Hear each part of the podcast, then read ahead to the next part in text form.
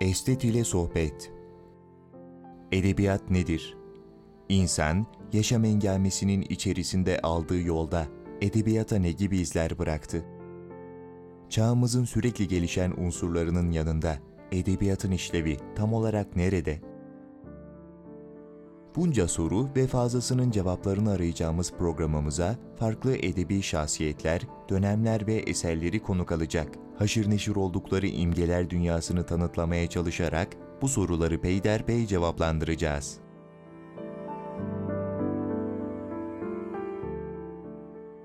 Bu programımızda yazın dünyasını çağıyla birleştirmeyi başarabilmiş, bulunduğu farklı coğrafyaların izlerini en çarpıcı şekilde eserlerine işlemiş ve Türkiye Cumhuriyeti'nin ilk ürün veren en yetkin yazarlarından biri olmaya başarmış bir esteti konuk alacağız. Yakup Kadri Karaosmanoğlu Bir diplomat, bir siyasetçi, bir edebiyatçı.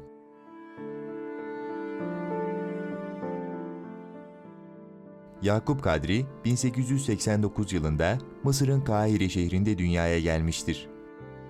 Babası Manisa'nın tanınmış Karaosmanoğlu ailesine mensup Abdülkadir Bey, annesi ise İkbal Hanım'dır. O dönemde Abdülkadir Bey ailesiyle Mısır valisi İbrahim Paşa'nın konağında kalmaktadır. Yakup Kadri'nin çocukluk yılları Mısır'ın mistisizmi ve adeta tılsımıyla geçmiştir. Burada geçirdiği yılları ileride edebiyat sahasına sirayet edecek olan hayal gücüne rengarenk tesirler bırakacaktır. Hatıralarında ilk çocukluk yılları için şunları söyler. Çeşit çeşit yemiş ağaçlı bahçesiyle ne büyük, ne güzel, ne süslü, ne ferah ve ne kadar kalabalık bir evimiz vardı. Sabahları güler yüzlü dadılarımızın bizi türlü şaklabanlıklarla uyandırıp kaldırışları, giydirip kuşatışları ve annemizin elini öpmeye götürdükten sonra elvan elvan reçel, bayram havasıyla dolup taşan saatleri, ne tadına doyulmaz saadetlerdi. Tabaklarıyla donanmış kahvaltı tepsisinin başına oturtuşları, geceleri incecik saz örgülerinden kuru yemiş sepetleri etrafında birbirinden tuhaf masallarla avutup uyutuşları ve bu kalkışlarla bu yatışlar arasında geçen günlerin her biri bir başka şenlik, bir başka bayram havasıyla dolup taşan saatleri, ne tadına doyulmaz saadetlerdi. Mısır valisi İbrahim Paşa'nın ölümüyle aile Mısır'dan ayrılır. Böylece asıl memleketleri olan Manisa'ya dönerler. Yakup ilk öğrenimini burada, Fevziye İptidai Mektebi'nde yapar. Mısır yıllarında özel hocalardan ders alarak öğrenim hayatına başlayan küçük Yakup, Manisa'ya geldikten sonra umumi okullara devam eder. Daha evvel halk arasına karışmamış bir çocuk için zor bir durumdur bu. Ailesi İzmir'e taşınır ve Yakup Kadri orada idadiye devam eder. O yıllarda Türk edebiyatı ve edebiyatçılarını tanımaya başlar. Fakat babasının ani ölüm üzerine eğitimini yarıda bırakmak zorunda kalır. Ailesiyle Mısır'ın yolunu tutar. Henüz çok küçük yaşlarda babasını kaybetmek Karaosmanoğlu'nu derinden etkilemiş, zaten içine kapanık bir çocuk olan Yakup'u farklı alanlara yönelmesi için tetiklemiştir. Annesinin gözetiminde babasından miras kalan küçük kitaplığı kurcalayarak büyük fikirleri edinecektir. Mısır coğrafyası ve bu yöneliminin kesişimine annesinin de eğitim disiplini eklenince çok küçük yaşlarda onda okuma arzusunun teşekkül etmesi kaçınılmaz olacaktır.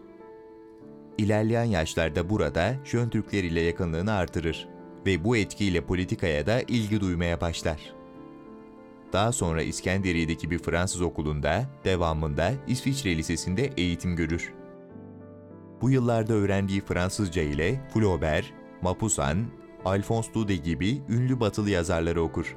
Eğitim süreci onun içinde bulunduğu doğu toplumuyla yeni tanımaya başladığı batıyı kıyaslama olanaklarını sağlayacak, müstakbel yazarımızın dünyasında yeni yollar inşa edecektir. İlk yayınlanan yazıları da bu dönemde çeviriyle gerçekleşir. Şerafettin Mamumi'nin çıkardığı Türk adlı dergide Mapuzan'dan yaptığı çeviri öyküleri yayınlanır. Artık Fransızcayı ana dili gibi bilen, Fransız edebiyatına ve Batı kültürüne nüfuz etmiş biri olarak 1908 yılı başlarında meşrutiyetin ilanından evvel İstanbul'a gelir. Henüz 18 yaşındadır Fakat aldığı eğitim ve terbiye İstanbul'da bir paşazadenin, bir aristokratın aldığı eğitimden aşağı değildir. Bundan dolayı olsa gerek Yakup Kadri İstanbul'a çabuk alışır. Hatta ilerleyen yıllarda İstanbulsuz yapamayan biri haline gelir.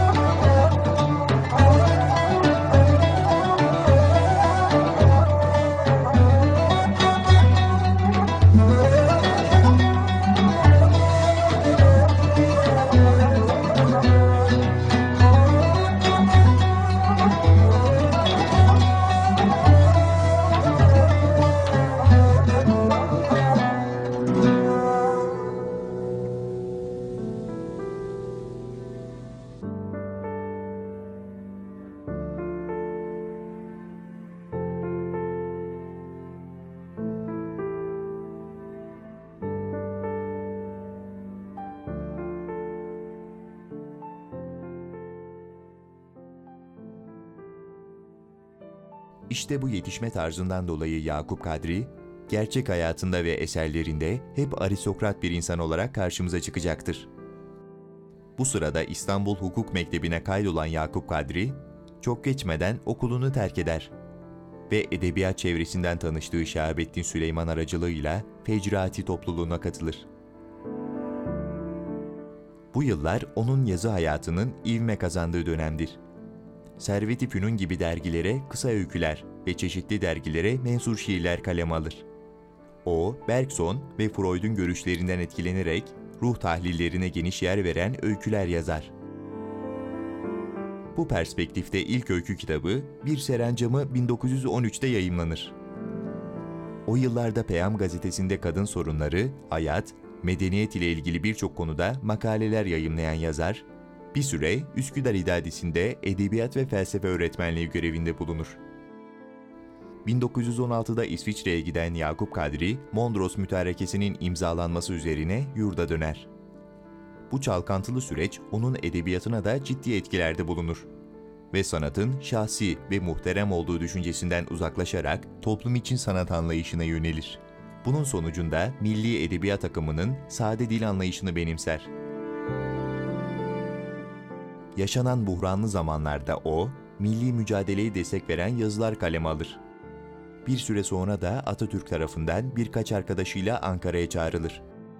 Ve buradan sonra Batı cephesini dolaşarak içinde şeksiz şüphesiz doğan milli mücadele inancıyla İstanbul'a döner. Doğuda yetişmesi, Avrupa'yı tanıması şüphesiz onun milli mücadeleye verdiği desteğin zengin bakış açısını oluşturmuştur. Kurtuluş mücadelesinin zaferlerle sonuçlanmasıyla Ankara'ya giden yazara Tetkiki Mezalim Komisyonu'nda görev verilir. Bunun üzerine Gediz, Eskişehir ve Sakarya yörelerini dolaşır. Hislerini belli bir zaman sonra kaleme alır.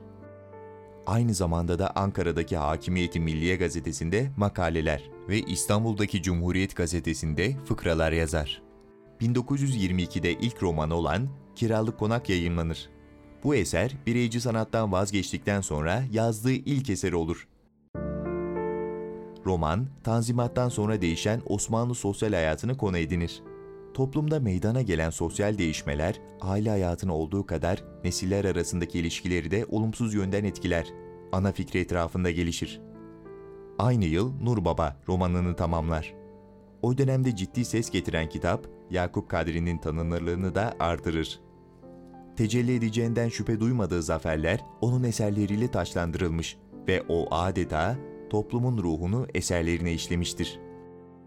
Yakup Kadri'nin bütün Anadolu intibaları, onun hikayeleri, romanları ve hatıralarında tekrar karşımıza çıkacaktır.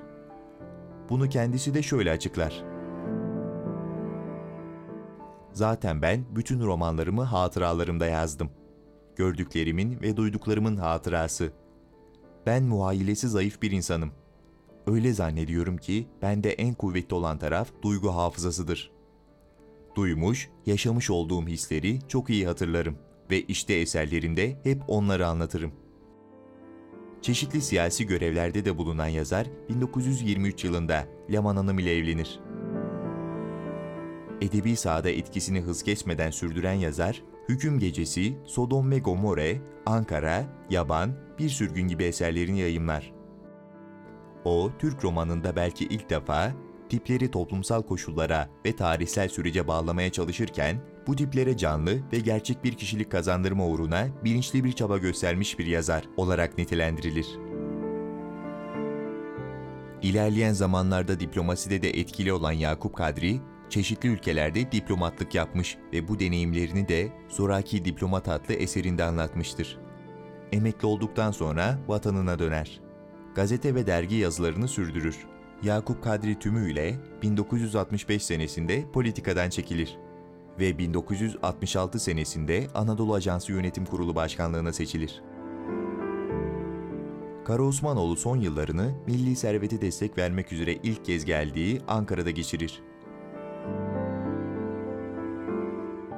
Ve 13 Aralık 1974'te tedavi gördüğü Gülhane Askeri Tıp Akademisi'nde yaşamını yitirir. Cenazesi o çok sevdiği, yaşamı boyunca gurur duyduğu annesinin yanına defnedilir. Sizlerle yaşamına edebiyatımızın en nadide eserlerini sığdırabilmiş ve geçirdiği süreçlerde milli şuuru uyandırmak üzere bu eserlerini en etkili biçimde ele almış bir estetin penceresinden bakmaya çalıştık. Sonraki programımızda görüşmek dileğiyle. Edebiyatla kalın, Gençlik Radyosu'nda kalın.